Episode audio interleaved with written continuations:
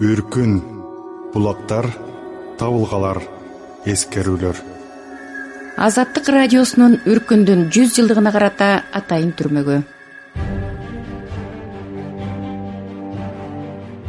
Ушинтип өмүрдө көрбөгөн укпаган элге большевикти эч бир адамга ырайымсыз өзүнөн башканын баарын талоо кыруу жоюуну гана билген бир каничер жаналгыч шумдук кылып көрсөтүп жатты. Ушундан башка алардын эч бир максаты жок сыяктуу болуп сүйлөнүп жатты. Бир күнү тамак ичип жатып катын балдарынын алдында мамир мазин мындай деп отурду. Большевик жакындап калган окшойт. Жолдо катар кезиккен шаардын мал мүлкүн талап алып катын бала дебей кырып жоюп келатат дейт. Казак орустун бир шаарына кирип жалгыз жанын калтырбай кырыптыр. Өзү санат жеткис көп дейт. Эртең бүрсүңүдөн жаркентке кирет экен анда келсе бул жер алыспы бир түн катат да кирип келет. Эл кытайга жөнөп жатат. Мукпул эми биз кандай кылабыз? Баятан бери демин ичине алып мамир мазинден көзүн албай ээрип калган катыны көзүн бадырайтып чоң ачып алып я алла ушундай баледе мына бул кесепеттердин бизге кесели тийбес бекен деп мага карады. Биздин эмне кеселибиз тиерин мен түшүнгөн жокмун. Ушул кабар угулганына он күн чакты болбой ак суунун кээ бир байлары четинен бузулуп жарылып үй бүлө мал мүлкү менен кулжаны карай көчүп да калды. Большевикти жогоркудай түшүндүрүп азгырып алдап жатып өгүздөрү менен бирге бирин серин кедейлерди да жөнөткөнү болду. Бирок биздин мамир мазин эмне ой менен экенин билбейм козголгон жок. Муну менен бирге жана бир топ немелер калды. Жусуп болуш калды. Күндөрдүн биринде ыйманкул экөөбүз мамир мазинден качып кетели деп сөз байлаштык. Бул ойду баштап чыгарган мен элем. Ыйманкул дагы буга кынчылган жок муну айтканымда мен да ушуну ойлоп жүрдүм эле дегендей кылды. Бар айтканы мындай чыкканда кокус тентип талаада калып жүрбөйлү деген гана сөз болду. Тентибейбиз жумуш таап алабыз кайдан жүрсөк бир болобуз өзүң көрүп турасың ушул күндө туруп кантип чыдасак болот ушинтип жүрүп эле өлүп кетебизби дедим мен. Тигилерди кантесиң деди ыйманкул мындай чыкканда бир бел байлаган кишим бардай мен өзүм абал ушул жерден узабай туруп аларды кантип алам мамир мазиндин колунда туруп айткан оюм менен болобу дедим. Ырас алар биз менен бирге жүрүп же качууга жарабаса ошондой. Аларды жалгыз мен көтөрүп жүрө албаймын. Бирок шарт ошондой болуп болжогон убакыттан мурун жөнөп калдык. Түн жарымы болчу. Бир убакта мен ыйманкулду түртүп ойготуп кулагына шыбырап тур таң атып кетти дедим. Ушу биз бир баляны тилеп жүрбөйлү деген кишидей адегенде тура койбой ыңгыранып мен жака бир оонап алды тур эртеңкиге калсак менин жок болорумду билесиң.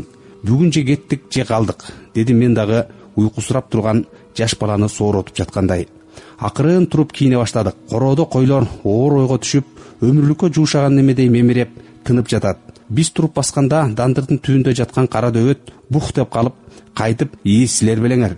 Мен да башка бирөөбү деп чоочуп кеткеним дегендей букуюп башын жерге коюп кайра жата берди биз төмөн карай кирип калаанын аягында бир ээңге чыккандан кийин жолсуз жер менен туура батышты карай салдык. Ар кай жерде түн катып эгин суугарган дыйкандар жүрөт. Шаар кызык уйкуда жер караңгы. Мен силерди көрүп турам дегендей асманда жылдыздар жымың жымың этишет.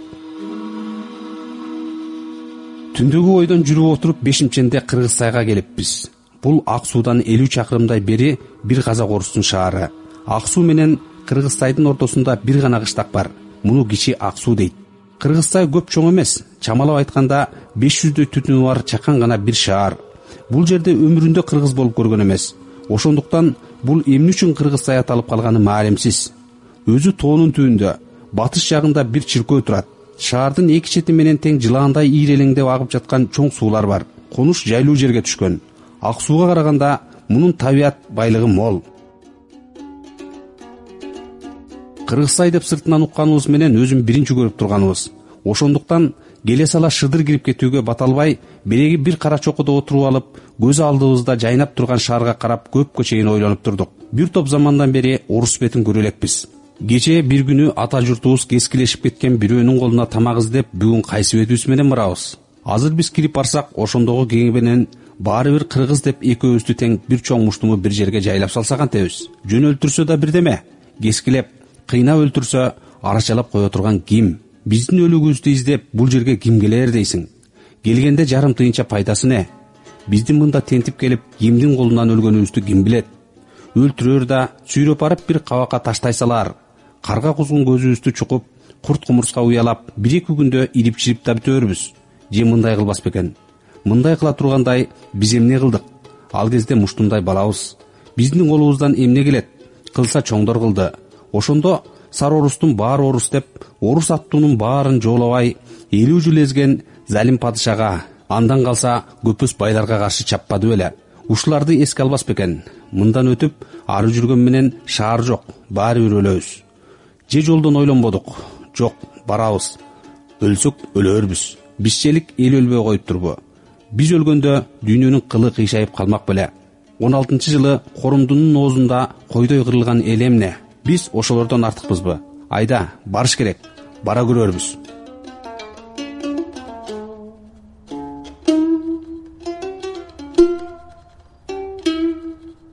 Чокуда жатып ушундай ойлор көз алдыбыздан бир заматта жамырап өттү. Ушинтип ойлонуп отурдук да бир кезде жондон түшүп келдик.